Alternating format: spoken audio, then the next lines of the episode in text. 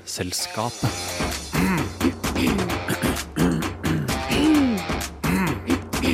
Vitenselskapet. De aller, aller fleste har sett en eller annen versjon av Dickens' En julefortelling. I denne sendingen skal dere få høre en også.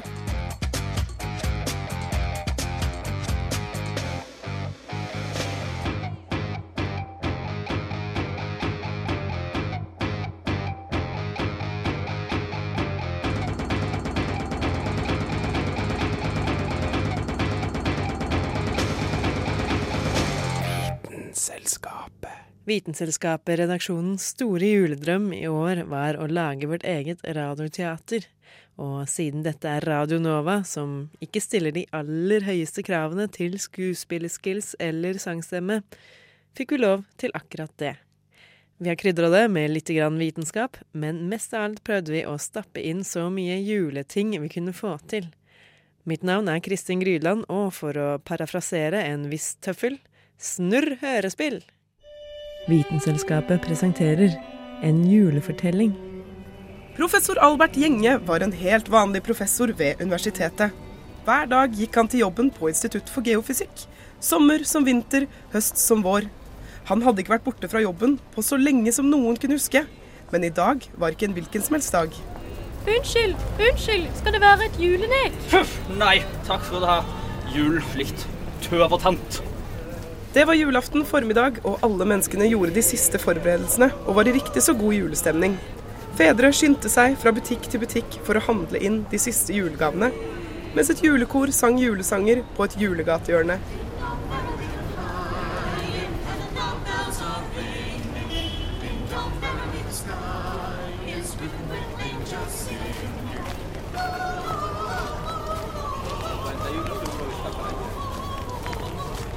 Snøflakene danset i luften, og det var stille i det bilfrie sentrum. Professor Gjenge kom fram til instituttet og åpnet døren. Han hang av seg frakken idet assistenten hans, lille Timmy, møtte ham. Klokken var ni, og lille Timmy var i godt humør. God jul, professor Gjenge. Jeg vet ikke hvorfor det er så godt humør, Timmy. Det er jo julaften, professor, med alt det julaften fører med seg. Ribbe, juletre, familiehygge. Og professor, gleder de dem ikke? Sa professor Gjenge og gikk inn på kontoret sitt. I en alder av 58 år feiret han ikke lenger jul. I dag er en dag som alle andre dager, lille Timmy. Husk at du ikke slutter på jobb før klokken ti. Ja vel, professor, men eh, da må jeg nok sende melding til familien min om at jeg ikke får feire jul med dem i år heller. Puff, da, da håper jeg endelig de bruker lunsjpausen deres på det. Som alltid, herr professor Gjenge. Eh, her har du forresten bunken med eksamensbesvarelser som du må rette. Puff. Eksamensrettingen var fort unnagjort. I år som i alle år tidligere fikk alle studentene på Geofysisk institutt E på sin juleeksamen. Professor Gjenge ville gjerne strøket dem, men fordi instituttet trengte de statlige overføringene som fulgte hver beståtte student, hadde Gjenge og rektor funnet et kompromiss. Og dette betydde at allerede klokken halv to kunne Gjenge levere eksamensresultatene til lille Timmy, slik at han kunne føre dem inn i Studentweb. Før nå karakterene riktig nå, lille Timmy. Og ikke bruk opp all wifien på sånne sosiale medier. Jeg sjekker om du har brukt internettet til noe annet enn fronter, vet du. Eh, Hva med chattefunksjonen på fronter, da, professor? Puff. Professor Gjenge sendte lille Timmy et strengt blikk, tok på seg tweedblazeren og gikk. Vel ute på gaten tok Gjenge fatt på trikketuren hjemover. Turen hjem var en pine for professor Gjenge. Å se alle disse menneskene i så godt humør gjorde han trett. Vanligvis var professor Gjenge så påpasselig når han satt på trikken, men i dag var han av en eller annen grunn så søvnig at han duppet av. Professor Gjenge, du må våkne, professor Gjenge. Hva? Hvor? Er vi på, er vi på endestasjonen? Du eh, men, men, men, men du er jo ikke en trikkekontrollør. Haha, nei, skjønte du ikke det? Nei, Sist jeg sjekket, var det ikke små matrosdresser som var vanlig antrekk for Oslo Sporveier. Du er en skarping, professor. Jeg er faktisk fortidens juleånd. Æsj! Ikke mer jul nå. Vennligst åpne døren, jeg vil av. Jeg kan godt åpne døra, men det er ikke sikkert at det er akkurat her du vil av. Dørene på trikken åpnet seg, men landskapet var ikke helt det samme som det professoren var vant til. Er det noe sånt veteranbiltreff her i dag? Ikke akkurat det, nei. Og hva er det? En liten gutt som står og selger aviser på hjørnet? Litt gammeldags? Siste utgave. Kjøp Aftenposten nå! Beatles med ny LP. Les mer om hvordan John, Paul, George og Ringo tar Amerika med storm. Dette minner meg da veldig om hvordan det var her da jeg vokste opp. Ja, jeg er jo tross alt fortiden sånn, Gjenge. Så det skulle bare mangle. Syns du ikke den lille avisselgeren virker veldig kjent? Albert, Albert, nå må du ikke stå her og selge aviser. Det er jo tross alt julaften. Aftenposten kan vente, vennen. Nå skal vi inn og spise risengrynsgrøt. Kom, da. Er det Er det mor? Er det meg? Ja, husker du hva som skjedde etter dette? Ja, vi, eh, vi spiste julemiddag. Ok, la oss hoppe fram til det. Nei! Smakte det godt, vennen? Ja, mamma. I det minste var det ikke brent som det pleier å være, Margrethe. Asbjørn, da må vi ta dette på julaften. Det er vel faen ikke min skyld at du ikke kan legge mat. Det er vel ikke min skyld at du horer rundt Mor! med henne Far! Ikke krangle! Vi kan ikke høre deg, Gjenge. Vi er bare tilskuere til noe som allerede har skjedd. Hvorfor tok du meg med hit? Hvorfor må vi stå her og se på alt dette? Du husker hva som skjedde her denne kvelden, gjør du ikke? Hvis du mener det at binyrene mine skilte ut noradrenalin, som bl.a. hemmer min frontale cortex, og dermed gjorde at dette, ja, dette teite minnet ble en del av min langtidshukommelse, så ja. En veldig vitenskapelig måte å si at du husker denne hendelsen godt, og at det ikke var et spesielt positivt minne heller. Jeg er da en vitenskapsmann. Skal jeg liksom heller si eh, Jeg hadde en dårlig opplevelse som jeg husker. Det er faktisk sånn, og det vet kanskje ikke du som en uvitende fremmed i et latterlig kostyme. Men det er ganske godt kjent at følelser påvirker hvordan man husker ting. Og ofte gjør det at man husker dem bedre. Iallfall sterkere, da. Så ja! Jeg husker at foreldrene mine bestemte seg for å skille seg på julaften. Det var ikke sånn at jeg ville nominert noen av dem til verdens beste foreldrepris. Vel, det finnes en del forskning som antyder at dramatiske minner, og minner om ting som vekket sterke følelser, har en tendens til å dukke opp klarere og oftere i hukommelsen. Er du sikker på at dette ikke er tilfellet med deg også, Gjenge? Ikke noe jeg ikke kan takle. Nja, du utviser en ganske sterk aversjon mot jula, da. Puff, for noe tull! Ikke prøv å bruke sånne psykologiforklaringer på meg. Om jeg gjenopplever dette hver jul. Og jeg sier ikke at jeg gjør det, så uh, har det ingenting med hva jeg føler overfor jula i seg selv. Jula er en kvasireligiøs, markeddrevet liksomhøytid som er totalt unyttig for forskning og utvikling. Du vet, de viktige tingene i verden. Hvis du sier det, så. Ja, det sier jeg faktisk. Så får man noe vekk herfra før jeg anmelder deg for grov kidnapping. Okidoki. Åh, oh, oh, det var bare en drøm. Men for en utrolig rar drøm. Universitetet Blindern. Blindern. Åh, helsike. Nå må jeg ha sovnet og blitt med et trikk tilbake. Noe så utgjort. Professor Gjenge reiste seg forvirret fra setet sitt og stavret ut av trikken. Heldigvis kom det i dette øyeblikket en ny trikk inn på den andre holdeplassen mot sentrum, men i sin iver etter å rekke denne, så ikke professoren at Oslo kommune ikke har vært ute med strøbilen på Blindern denne julaften. Hvordan gikk det med deg? Det så ut som du slo hodet ditt skikkelig. Åh, ja, det gikk bra. Jeg, jeg, jeg tror jeg bare fikk en kul, så det går bra, takk. Jeg trenger ikke din hjelp. Er du sikker på det, professor Gjenger? Ja. Hvordan øh, Vet du hva jeg heter? Det har seg sånn at jeg er nåtidens juleånd. Hyggelig å treffe deg. Å, herregud! Jeg orker ikke mer av dette tullet. Er du uh, Står du i ledetog med den andre svindleren som jeg møtte tidligere? Eller uh, drømte om tidligere? Forvirrende, eller hva? Du kan kanskje si at vi har et visst uh, kollegialt samarbeid. Men eh, jeg er her for å vise deg nåtiden. Og hva om jeg nekter å bli med på dette tullet? Det er strengt tatt ikke et alternativ. Kom deg på føttene nå, gjenget. Vi skal tilbake på kontoret ditt. Ah, se, vi er her visst allerede. Og der sitter assistenten din, lille Timmy. Ganske flittig fyr, eller hva? Lille Timmy, kom hit og hjelp meg. Denne dama fabler har åpenbart kidnappet meg. Men så riv deg løs fra fjesboka, da. Og din udugelige fyr. Ser du ikke at jeg trenger din hjelp? Du veit reglene, gjenge. Han kan ikke se deg. Men vi kan se han. Nei. Jeg syns ikke det ser ut som han sitter på Facebook, jeg. Snarere virker det som han jobber jevnt og trutt. Ah, Du, du vet ikke hvordan det er med slike assistenter. Man har kustust. Gi meg dem lillefingeren, det, og da tar de hele hånda. Se, nå får han en telefon. I arbeidstida. Hallo? Å, hei, kjære. Du veit at du ikke skal ringe meg i arbeidstida. Eh, sjefen liker det ikke. Ja, jeg veit at han ikke er her, men det er prinsippet, da. Nei, jeg skrev det jo til deg. Jeg er nødt til å jobbe sent i dag. Ja, som vanlig. Ja, han veit at det er julaften. Jeg tror ikke han bryr seg, for å være helt ærlig.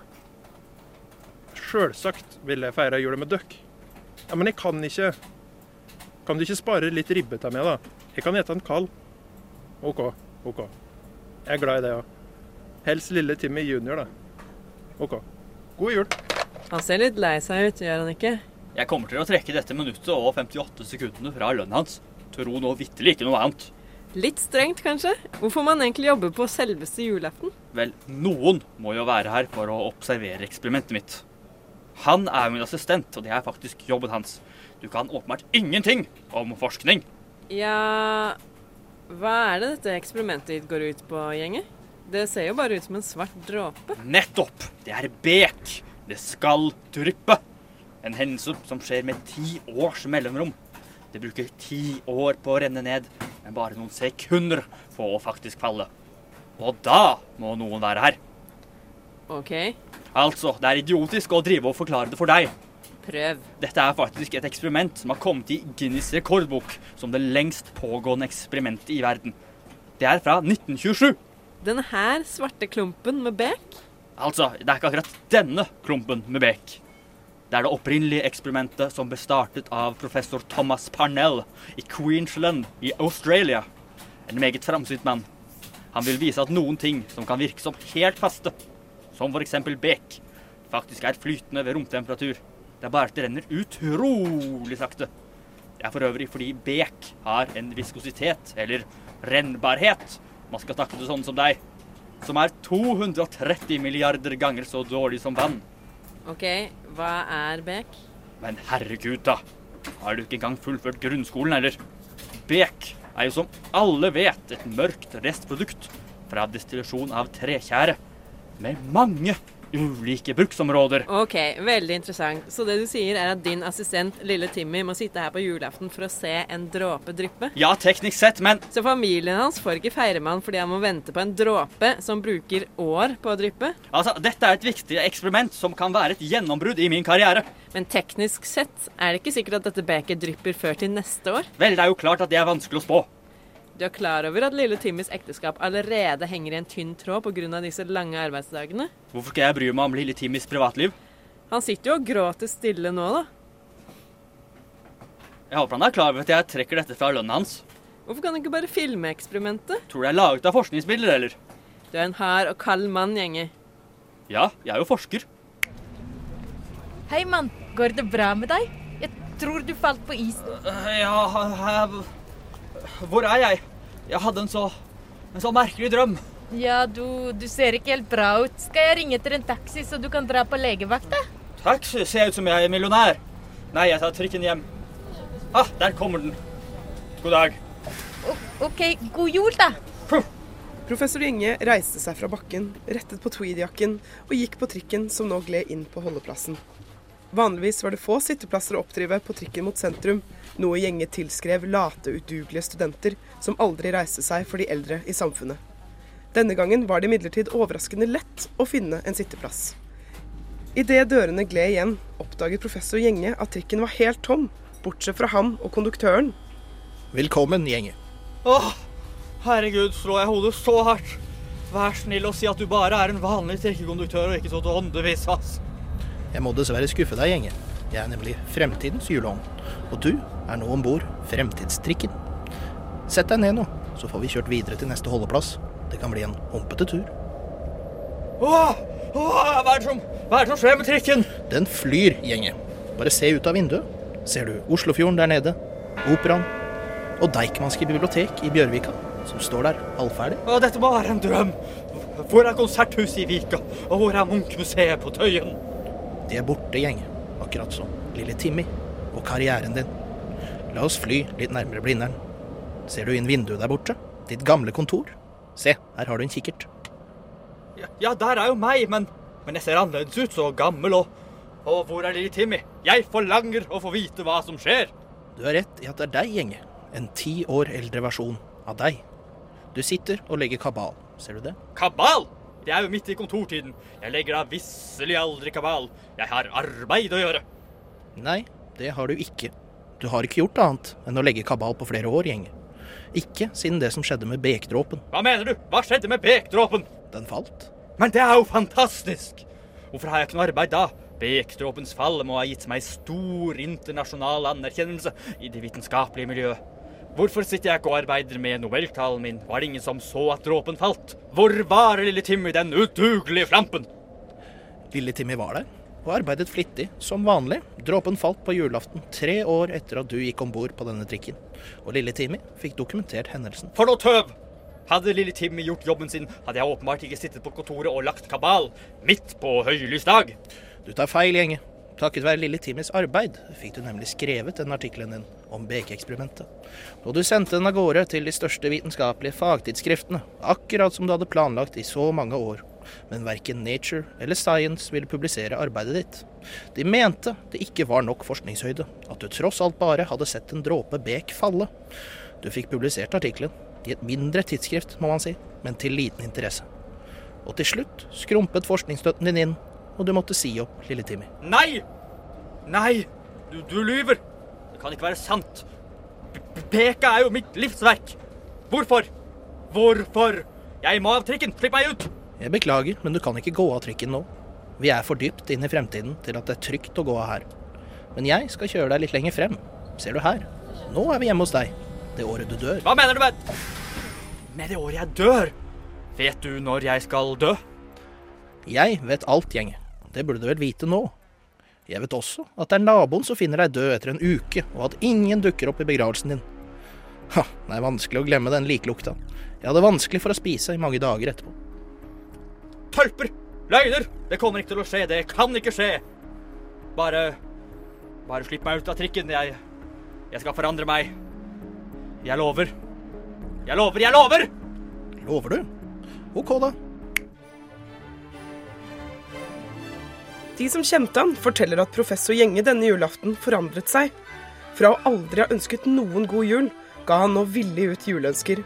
Han kjøpte julenek og hang utenfor kontoret, så småfuglene også skulle ha noe godt å spise på i jula. Han byttet ut tweedblazeren sin med en julenissejakke. Han delte ut julegodteri til alle barn han traff, og sang julesanger med koret på julehjørnet. Men den største forandringen i livet hans var hva han denne julaften gjorde for lille Timmy. Lille Timmy, lille Timmy. Er du her? Eh, Ja, professor. Jeg sitter her og passer på Beke, akkurat som jeg gjorde da de gikk inn på kontoret for en time siden. Er du ferdig med å rette de eksamenene? Lille Timmy kunne ikke vite at professoren hadde vært ute på en lang, lang julereise. I fortid, nåtid og fremtid.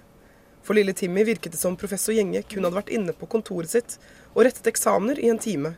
Men det var tydelig at noe hadde forandret seg i professoren. Jeg vil ikke at du skal si de til meg lenger, lille Timmy. Det er mye vi skal endre på nå. Se her. Jeg skal kjøpe et videokamera til oss som kan erstatte deg her på kontoret. Fra nå av skal du ha fri på julaften og være sammen med familien din. Professor Gjenge hadde nå forstått hva som egentlig var viktig med julen.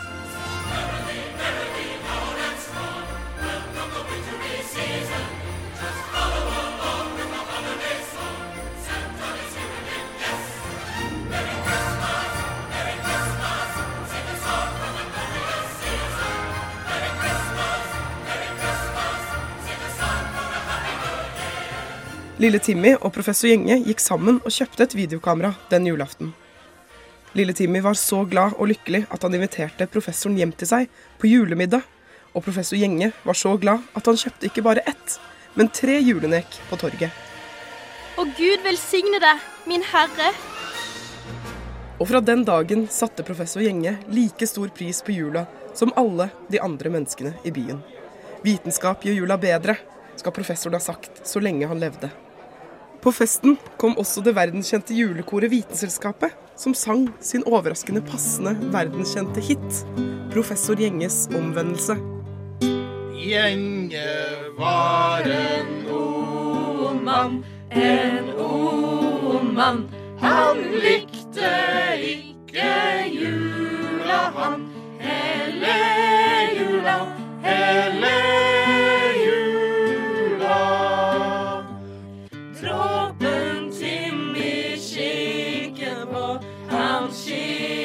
bo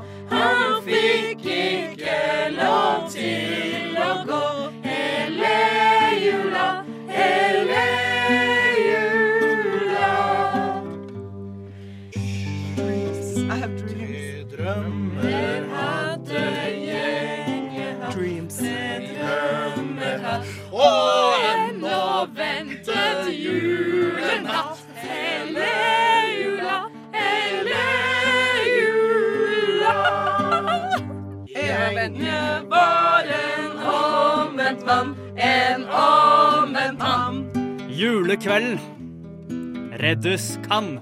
Hele jula, hele jula. Så endte alt sammen godt, alt sammen godt. Og julekvelden ble så flott. Hele jula, hele jula. Ja, ja. Det ordner seg. Sånn skal det være. Veldig vanskelig å klare å synge et helt vers uten å begynne å le. Medvirkende i denne julefortellingen var Bjørnar Konglevold Bekkevær som professor Gjenge, Carl Adams Kvam som Lille Timmy, Lise Eide Risanger som Fortidens ånd, Kristin Grydland som Nåtidens ånd, Dag Løvold Magnussen som Framtidens ånd og far, Hanne Grydland som mor og forbipasserende på gata, Agnes Alstad Mongstad som julenekselgerske og unge professor Gjenge, og Johanne Furuseth var fortelleren. Den flotte sangen du hørte på slutten, har intet mindre enn 13 vers, som du kan høre i sin helhet på soundclouden vår. Vi heter selvfølgelig Vitenselskapet der, som alle steder, og i samme slengen kan jeg jo nevne at vi har fått oss en ny podkast. Så hvis du er fast abonnent på podkasten vår og lurer på hvorfor det ikke er kommet noen nye, så er det fordi du er nødt til å abonnere på den nye kanalen. Den heter det samme, men den ser litt finere ut. Vitenselskapet. Vitenselskapet på Radio Nova.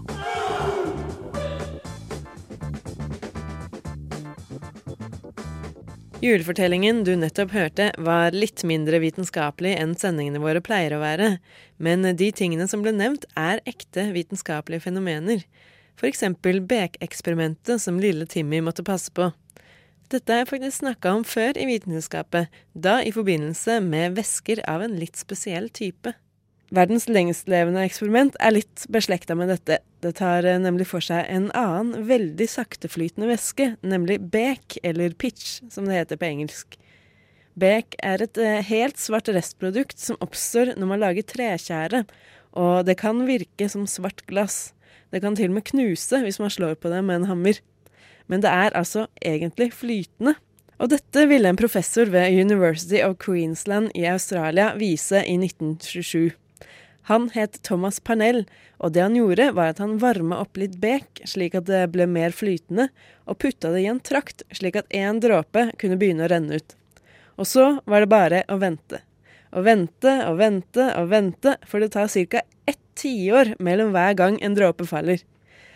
Men når den først faller, så faller den fort, og sjansen for å være til stede akkurat når dråpa faller, er med andre ord liten. Så Thomas Parnell, skaperen av eksperimentet, døde dessverre uten å se dråpa falle, og professor John Mainstone tok over som Beckets vokter. Vi kan jo høre hva han har å si om det. Basically, over the years since Parnell set it up, uh, we've seen a drop form roughly once a decade.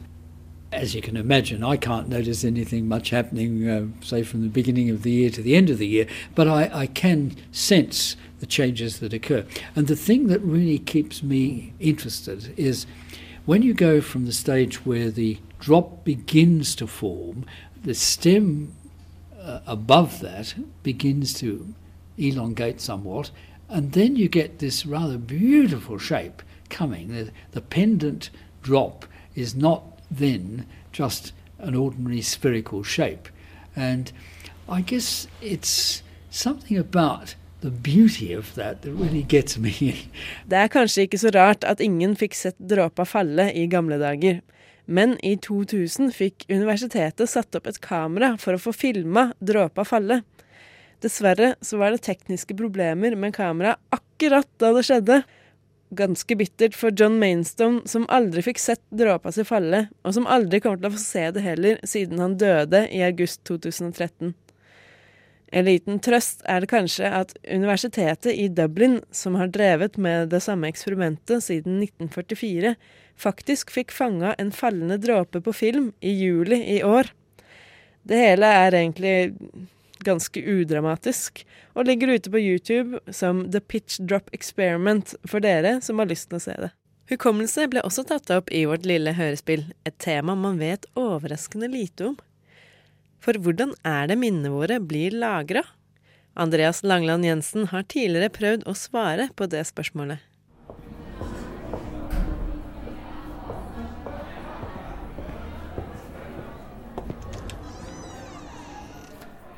I går var jeg oppe på Blindern. Jeg satte meg på en av lesesalene, og jeg begynte å lese om marine invertebrater.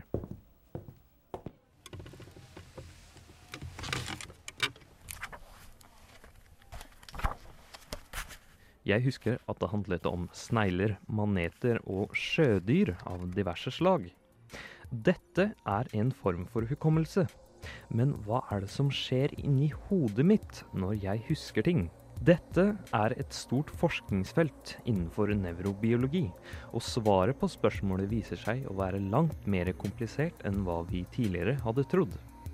Men for å klargjøre det forskere har funnet ut, må vi ta turen inn i vårt eget hode.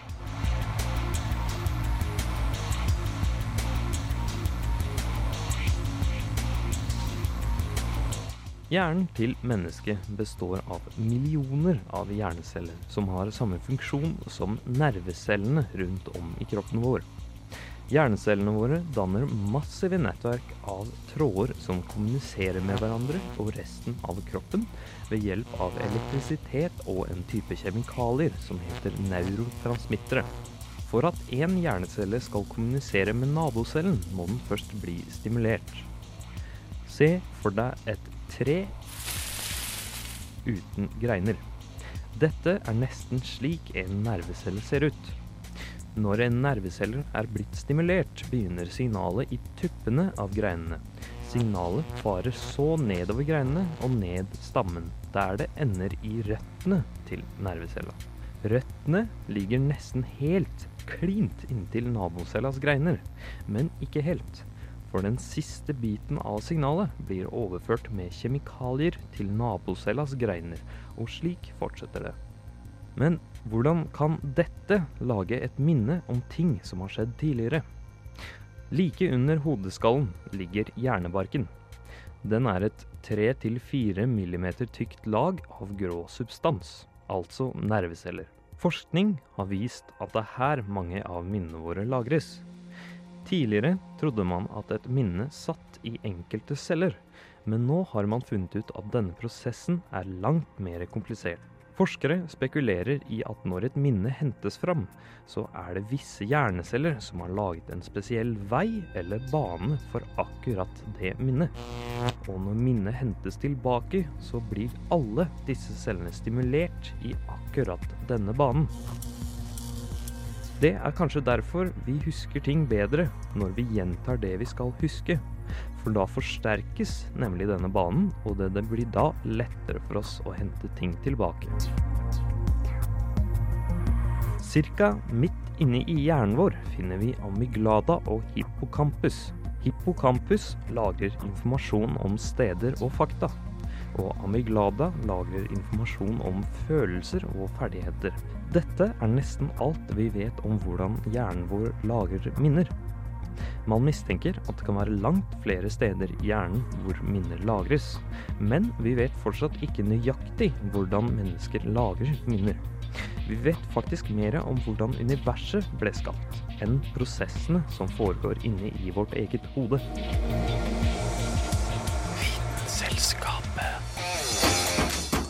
Med det har vi kommet til veis ende for denne gang, og vi tar oss likså godt juleferie, i likhet med de fleste andre programmer her på kanalen. Du kan jo kose deg med podkastene eller nettsakene våre om det vitenskapelige savnet blir for stort. Vi er uansett tilbake i januar med helt nye vitenskapelige fun facts å by på. Mitt navn er Kristin Grydland, og siden det tross alt er sesongen for det, ønsker jeg våre lyttere god jul. Og for så vidt også et godt nyttår. Vitenselskapet.